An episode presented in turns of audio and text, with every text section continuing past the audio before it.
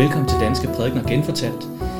Tony Ågaard Olsen, du og jeg, vi sidder sammen her i Løgum Kloster. Du er Søren Kierkegaard ekspert, og du har flere gange over for mig godt gjort, at man godt kan tale om Søren Kierkegaard som en prædikant, og tale om hans prædiken prædikenvirksomhed. Og øh, vi skal i dag tale om en opbyggelig tale, som egentlig, hvad skal vi sige, den tekst, den, der udlægges i den, svarer til en, øh, en prædikentekst, der bliver til en prædikentekst i anden tekstrække.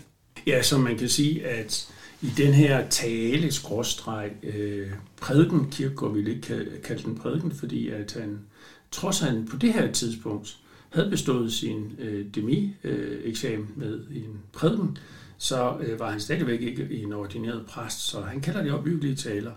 Men øh, i den her tale, kan man sige, der er han øh, øh, nået frem som øh, som sin tale nummer 14 i den række, der ligger faktisk i, i rækken her.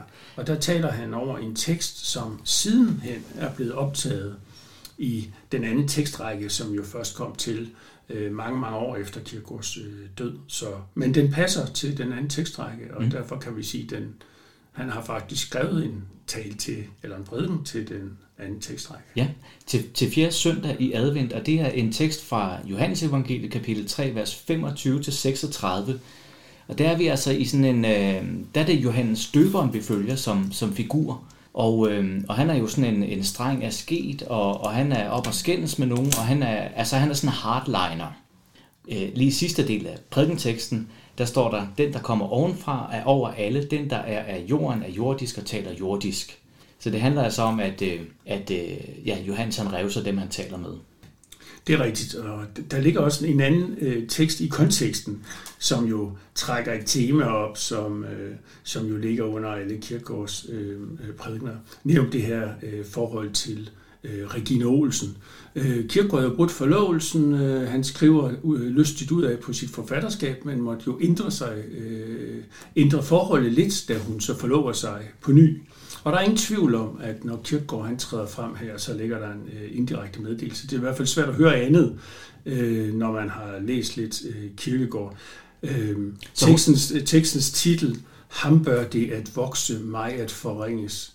Altså der får du en meget, meget, meget listig øh, kommentar ind til, øh, hvad Kierkegaard mener. Hun skal fortsætte med forholdet. Øh, han, øh, han priser det, han øh, understøtter det, men som man kommer frem til sådan i, øh, i, i, hvad han ellers udlægger teksten, så bliver det altid lidt tvetydigt. Og så kan du sige... Altså hvis forhold er det, Tony? Altså øh, det nye forhold, som Regina Olsen er gået ind i. Hun er jo blevet forlovet på ny, er blevet til hun bliver så gift i 47, men øh, her på det her tidspunkt, de var forlovet i fire år, men her var, øh, var Regine gået ind i en ny forlovelse, og Kirkegaard sidder øh, og måske har håbet på, at hun var gået i kloster. Det er jo der, hvor vi skal huske, den her tekst, den har også en anden kontekst. Øh, Johannes han siger nemlig, den der har bruden er brudgom, men brudgommens ven, som står og lytter efter ham, fyldes med glæde, når han hører brudgommens komme. Okay. Det er faktisk en tekst, der kommer lige øh, inden det her, øh, som han prædiker over. Det er jo, øh, ja, altså, det, det, det, det råber det jo næsten ud. Så, så det du antyder, Tony, det er sådan set, at, at, øh, at det her forhold mellem Johannes og Jesus og den, der kommer og den, der venter, at, at det på en eller anden måde anvendes sådan, at det, det spejler situationen mellem Søren Kierkegaard og Regine Olsen. Ja, det, er jo, det kan jo lyde, øh, det er jo derfor, at nogen også har ment, at han er øh, lige lidt hård i sine øh, digtninger osv. Man kan jo sige, at han i, i, i teksten her, øh, den her dejlige adventstid, hvor vi skal høre om øh, manden i kameltår, øh, kamelhår øh, ud, øh, tøjet kjortlen, som Kierkegaard også går meget ud af.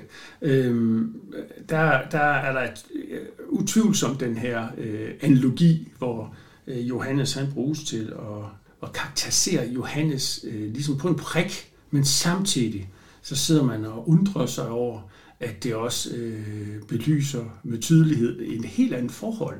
Mm. Og det, det gør Kierkegaard øh, overalt, og man, man, man undrer sig over, hvordan han kan gøre begge, to, begge dele på én gang. Så, så den her sætning, hvor, hvor Johannes Døberen i bibelteksten siger, jeg er ikke Kristus, men jeg er udsendt forud for ham. Det vil så svare til Søren Kierkegaard i relation til Regina, at han går forud for den forlovelse, hun nu har indgået med ham Fritz.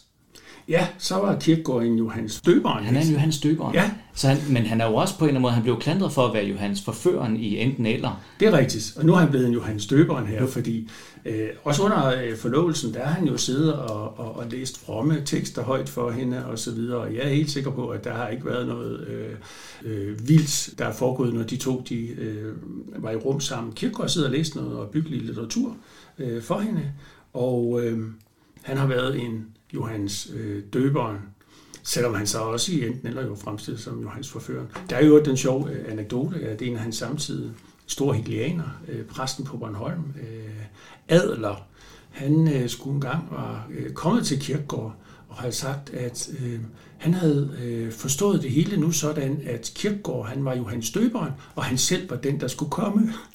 Hvor til Kirkegaard han havde moret så meget. Her er Kirkegaard så døberen i en, øh, i en lidt anden relation. Ja, i en lidt mere subtil forstand. Men, ja. men du siger også, altså, at øh, altså, Kirkegaard og Regine, dengang de så var sammen, der noget af det, de dyrkede sammen, det var måske at kunne gå i kirke og høre biskop Mønster prædike, eller han kunne måske selv udlægge nogle bibeltekster. Og læse Mønsters prædikener op. Ja, det gjorde han også. Det gjorde han jo.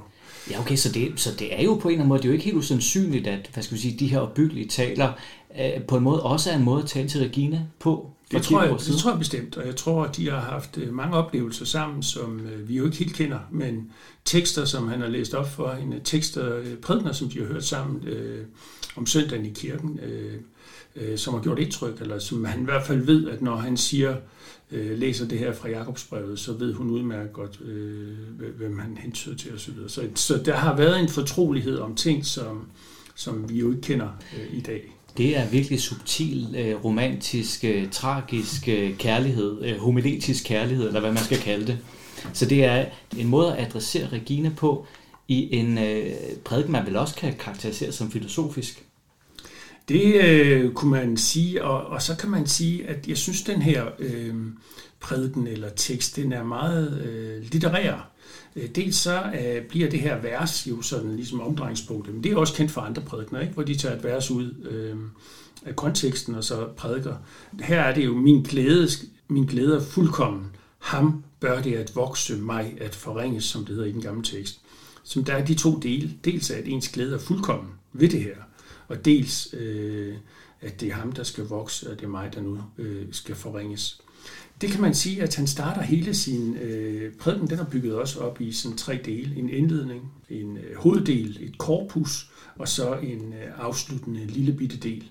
Og øh, der kan man sige, at i indledningen, der øh, får han jo den her forventning, og det er faktisk et træk, han, eller øh, et greb, han bruger i hele, i hele den her tale, at hvad der sker i det store, sker også i det små. Mm-hmm. Hvad vi har i den store erfaring, findes også i den små. Og han starter jo med det hele med at sige, et gammelt ord, altså en talemåde, et ordsprog, de siger, at alle de vil hellere se på den opgående sol, end på den nedadgående sol, øh, eller nedgående sol. Hvorledes alle, må også den ved sol det er, som går ned. Og så begynder han at argumentere jo frem i teksten mm. digteriske øh, får frem, øh, når, når du har de her møder med en ved sol går ned, og en ved sol går op. Mm. Det er jo klart, at hvis du sidder med den her situation, hvor hun har forlovet sig og så, videre, så sidder du jo faktisk, øh, det bliver jo næsten sådan helt litterært og ja. meget humoristisk faktisk. Ikke? Ja, solen er givet videre, den er overgået til, altså der er en for hvem solen går op, og der er så sandelig også en for hvem solen er gået ned. Lige præcis. Ja. Og omvendt så ligger der jo en tvetydighed i det, ikke? fordi at øh, ham ved sol går ned her, mm. er jo en mand ved sol, der vil gå op. Altså han er ved at blive en stjerne på den litterære himmel. Han er, han er jo virkelig ved at arbejde sig op i det her.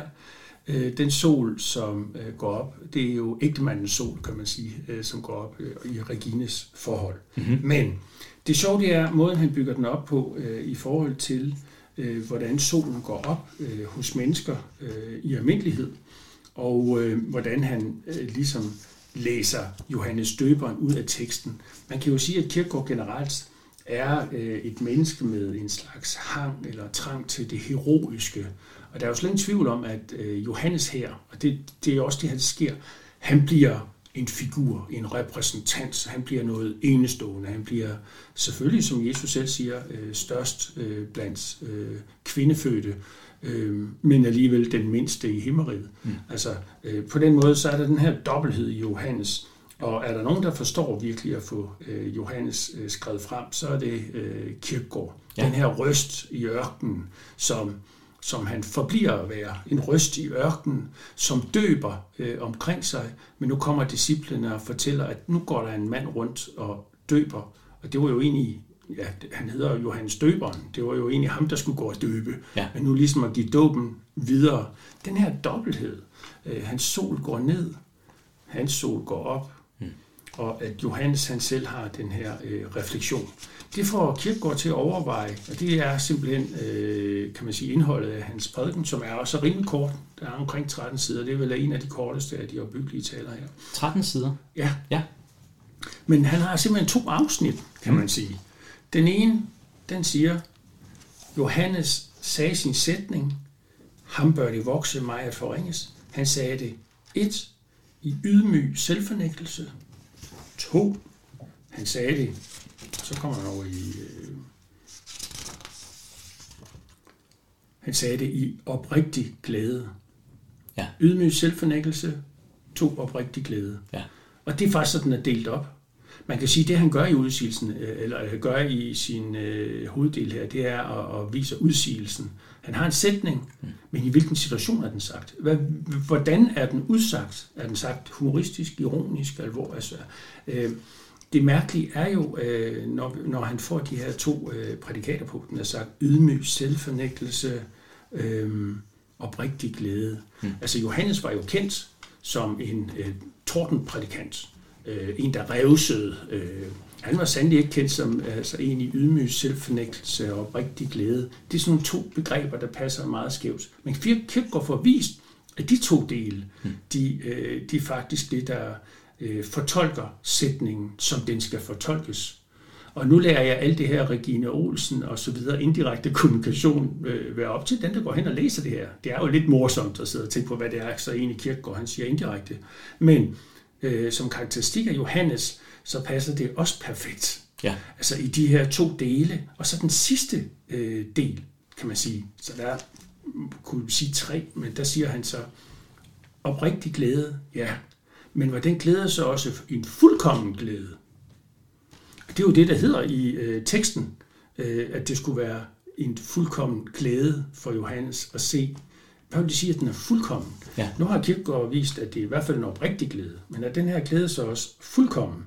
Og det er så det, han når frem til, at, øh, at glæden selvfølgelig er fuldkommen. Ja. Johannes øh, har kunnet træde til side og se øh, Jesus træde frem.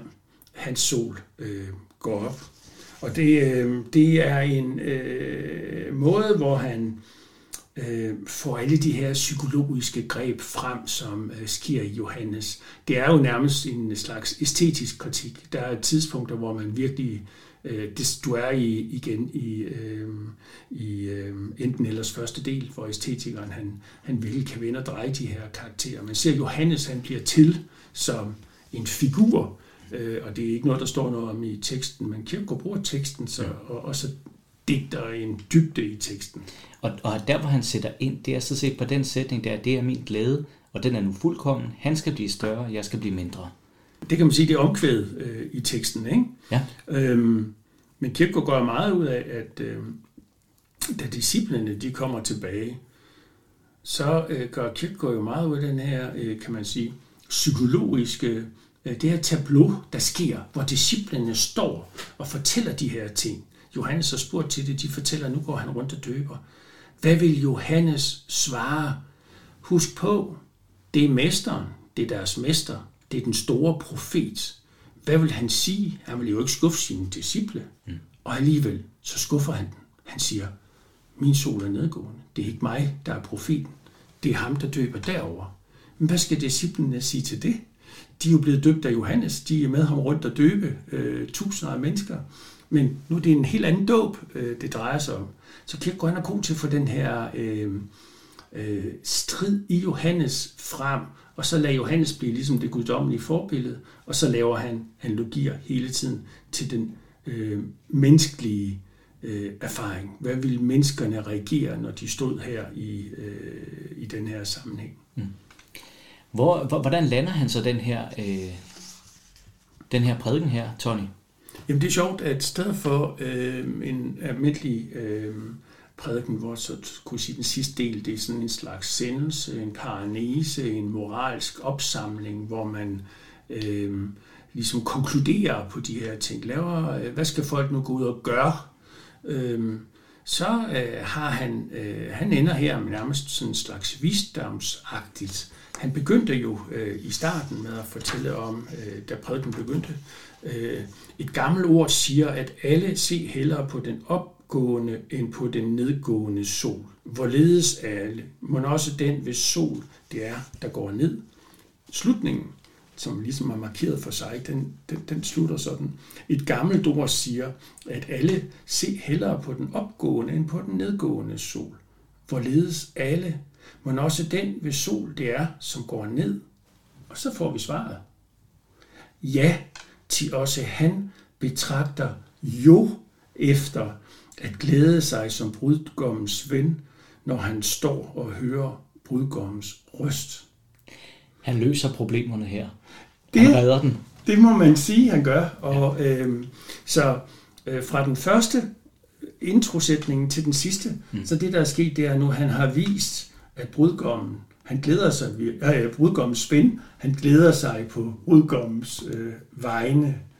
Og det kan man sige som indirekte meddelelse, man kan også sige som en udlægning af Johannes, at det er i hvert fald en fuldkommen glæde. Og den har han jo ellers lige brugt til lige inden slutningen på at sige, det er ikke alle mennesker, der, hvad kan man sige, du godt kan lide en glæde, men fuldkommen, der kan jo være, og så giver han en masse eksempler på, på hvor den måske ikke er helt fuldkommen, mm. men for Johannes her, og til sidst, så er glæden fuldkommen. Tony, her til sidst skal jeg lige spørge dig en gang. Kan man sige, at Søren Kierkegaard i den opbyggelige del af hans forfatterskab er mindre polemisk, mindre sarkastisk, mindre ironisk end i den øvrige del? Der er jo ingen tvivl om, at han i de her taler forsøger at være opbyggelig, øh, men ikke kun intellektuelt opbyggelig. Han forsøger at gøre opbyggeligheden øh, mere rummelig. Men det betyder jo, at i selve stilen, så øh, laver han ikke græske og latinske citater. Han, øh, han henviser ikke til øh, anekdoter og så videre, i, og er ikke vittig øh, på samme måde. Han, øh, han fortæller også tidligere, at øh, talerne til sidste samling, det bliver alt for humoristisk til, at han ligesom kunne stå ved den som opbyggelig tale. Men alligevel så kan man se, at de litterære greb, de bliver mere og mere fremtrædende øh, i de her taler. Øh, talerne, de kommer jo parallelt med øh, store værker som begrebet angst og øh, filosofiske smugler, øh, gentagelsen af frygt og bæven, og mange af de temaer, der findes i pseudonyme værker, de er også behandlet her i øh, talerne ud fra en anden, mere seriøs, øh, kunne man sige, vinkel, men han er meget litterær i sine fortællinger. Han, han, han lader en masse forskellige talende komme ind. Så kommer den forstandige, så kommer den tvivlende pludselig gående ind fra højre. Ikke? Og så er der øh, de her erfaringer, der skal gennemspilles af en masse forskellige karakterer. Mm. Så på den måde mm. er talerne faktisk mere øh, litterære, end man ofte tror. Altså man har ofte talt om, og det har jeg egentlig også tilgået sagt, i mine unge dage, at, at de her taler, de var egentlig mere sådan renset og var øh, direkte tale, fordi man har forkyndelsen. Når man kigger i det, mm. så er det faktisk øh, meget indirekte, og man kan jo så lige sige, om Søren Kierkegaard ikke selv er en slags øh, et slags navn i pseudonym, i hvert fald når udsigelsen skal pege tilbage på ham selv. Øh, men de har en anden kvalitet alligevel end de pseudonyme værker. Og med den opbyggelige pointe slutter vi den her podcast. Tusind tak for samtalen her, Tony Ågaard Olsen. Selv tak.